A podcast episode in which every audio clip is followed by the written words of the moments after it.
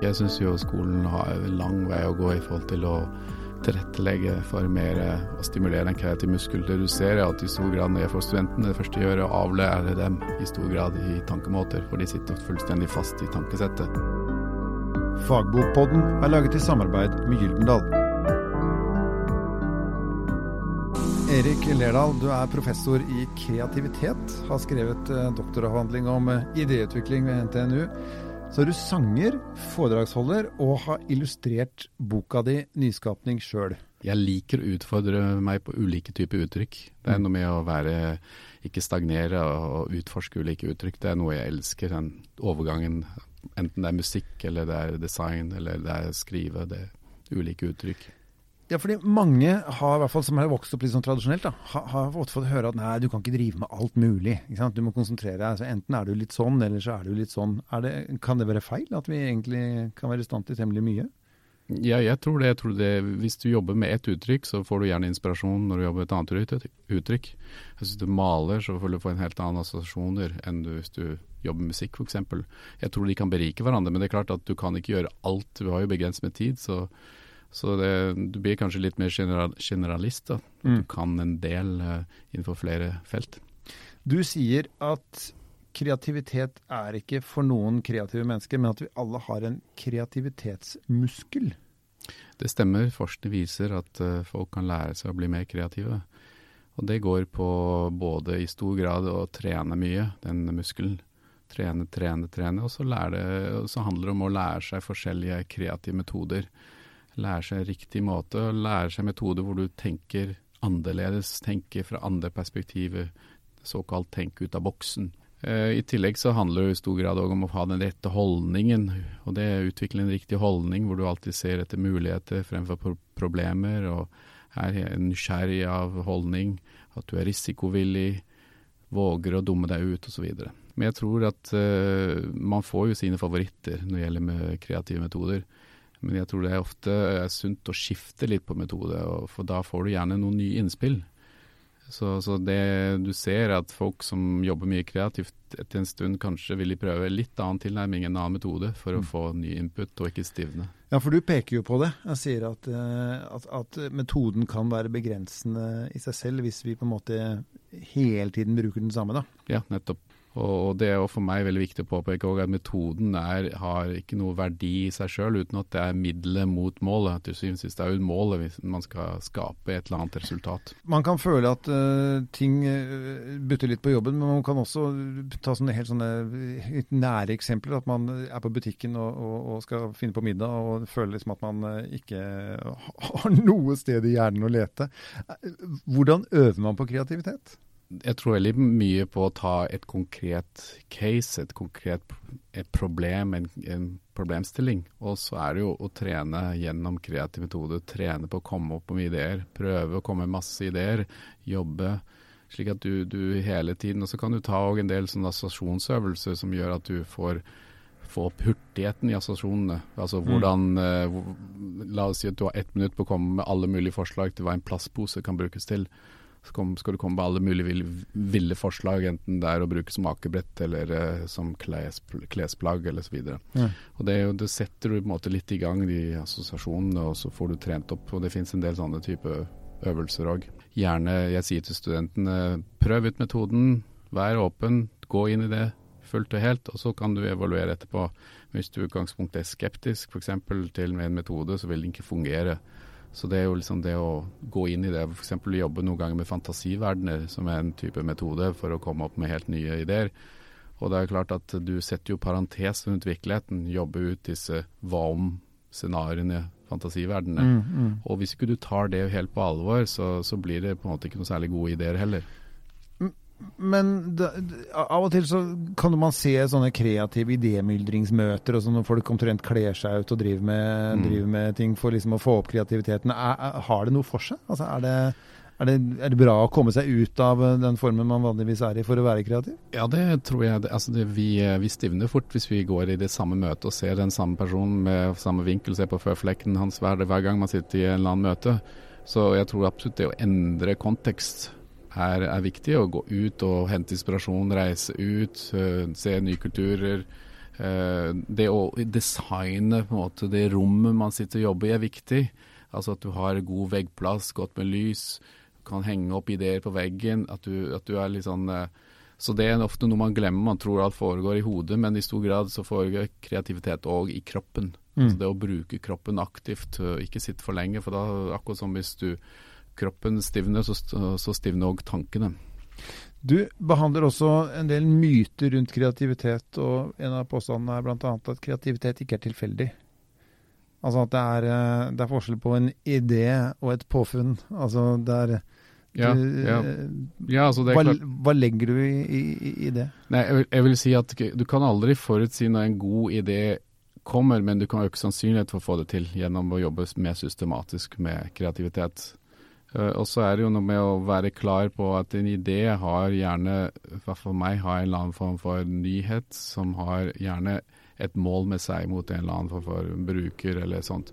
Så det er ikke bare et påfunn tilfeldig du finner på eller annet. Du, du, må jobbe litt mer med det, så at det har faktisk uh, kan defineres i min verden som en idé. Det som er genuint med mennesket, det er jo og det vi ser nå er jo at uh, med den digitaliseringen som skjer og automatiseringen, så blir på en måte kreativitet viktigere og viktigere. Og det ser du fra ulike studier, at man vurderer det stadig som et viktigere faktor i fremtidens uh, skole og utdanning. Mm. Hvordan ser du eh, på kreativitet hvis du ser på skolen tradisjonelt? Du er født i 67, du gikk på skolen lenge før den digitale tid. Sånn, utvikler vi oss? Er vi gode nok til å å bli med eh, på det vi kanskje er best på, vi mennesker, nemlig å skape det som ikke fins fra før? Nei, jeg syns absolutt ikke. Jeg syns jo skolen har lang vei å gå i forhold til å tilrettelegge for mer å stimulere en kreativ muskel. Det du ser er at i stor grad når jeg får studentene, det første jeg gjør er å avlære dem i stor grad i tankemåter, for de sitter fullstendig fast i tankesettet. Man har gått mye bare etter fasitsvar istedenfor å gå etter muligheter og ulike løsninger. Så det er en helt annen type tenkning som må komme inn i skolen, mener jeg, som ikke er altfor lite i dag. Men jeg tror kanskje den nye læreplanen vil, vil åpne for mer fokus på kreativitet i skolen. Men uh, alle som er litt voksne i hvert fall, uh, og jeg tror barn også, har hørt det der med at uh, nei, du kan ikke bare leke, ikke sant? nå må du sette deg ned og gjøre noe ordentlig. altså Når man har lyst til på en måte å være bare seg selv og gå rundt og finne på ting, og kanskje være nettopp kreativ, så blir man litt begrenset på det. Ja, det er klart at det ligger mange føringer som bremser oss. altså Vi fryser veldig fort fast med en gang hvis noen er kritiske, definerer oss. altså Kreativitet krever en trygghet for at du skal utvide din, din, horisont og utforske løsninger som er på grensen av det du kan finne på. Uh, og, og, det ligger mange føringer. Man sier jo f.eks. i mange typer jobber eller arbeidsplasser vi vil ha kreativitet, men til syvende og sist så går det på at man leveransen, det er å gi kortvarige leveranser, sikre leveranser. Som, så hele belønningssystemet legger vekt på andre kriterier hvor kreativitet faller ut. da. Kan kreativitet være litt flaut?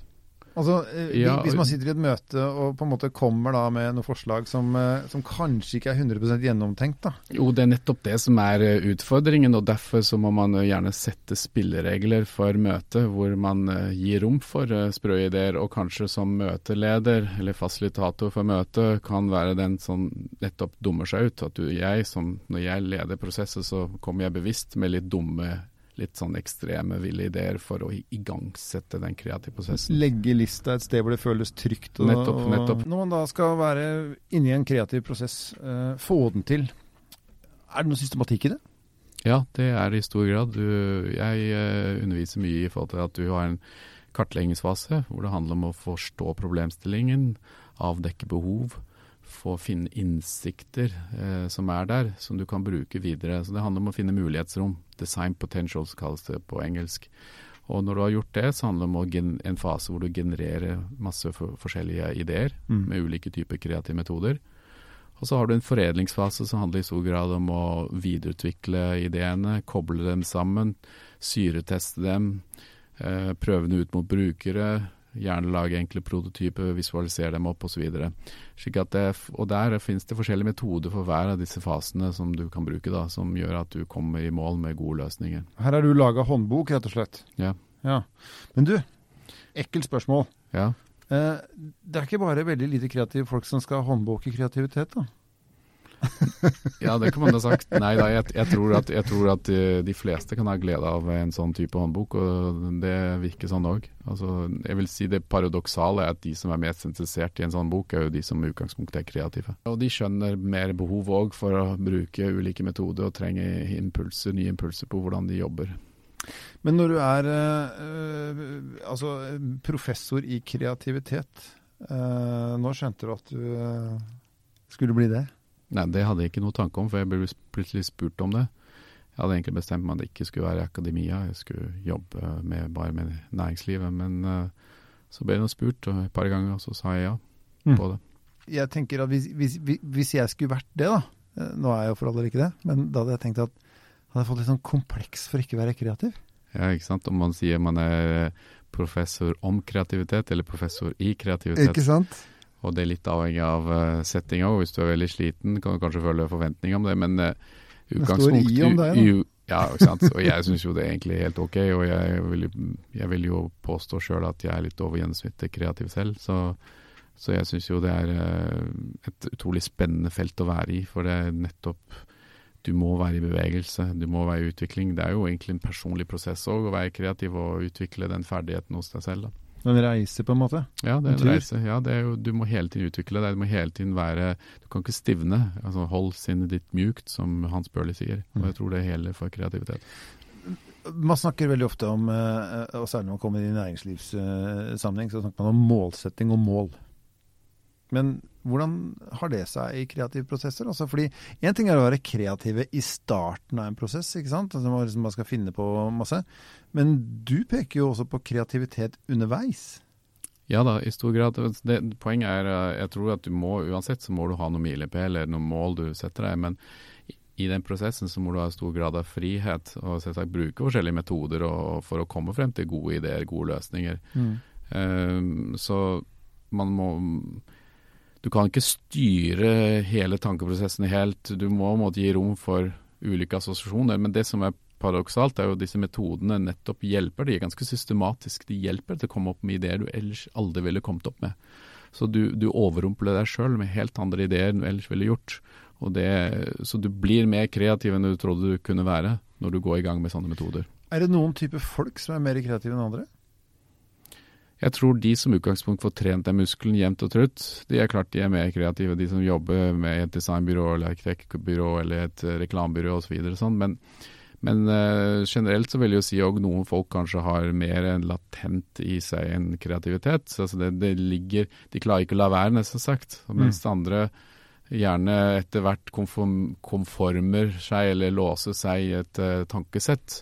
Det viser seg at når du ser på barn, så er de ganske evne til å komme med uvante assosiasjoner, men etter hvert så mister mange av oss det mm. gjennom utdanningen. da. Som all, at alle barn kan tegne, f.eks.? Ja. Mens veldig få voksne tør å prøve? Ja, og det er noe med at etter hvert så er man så kritisk på tegningen. og Blant annet kom nettopp nå fra en uh, tegning hvor man ikke ser på det man tegner. Eh, og det gjør jo at du får mye mer spennende og rike tegninger når du kobler vekk eh, kritikken, da. Er det forskjell på kjønn?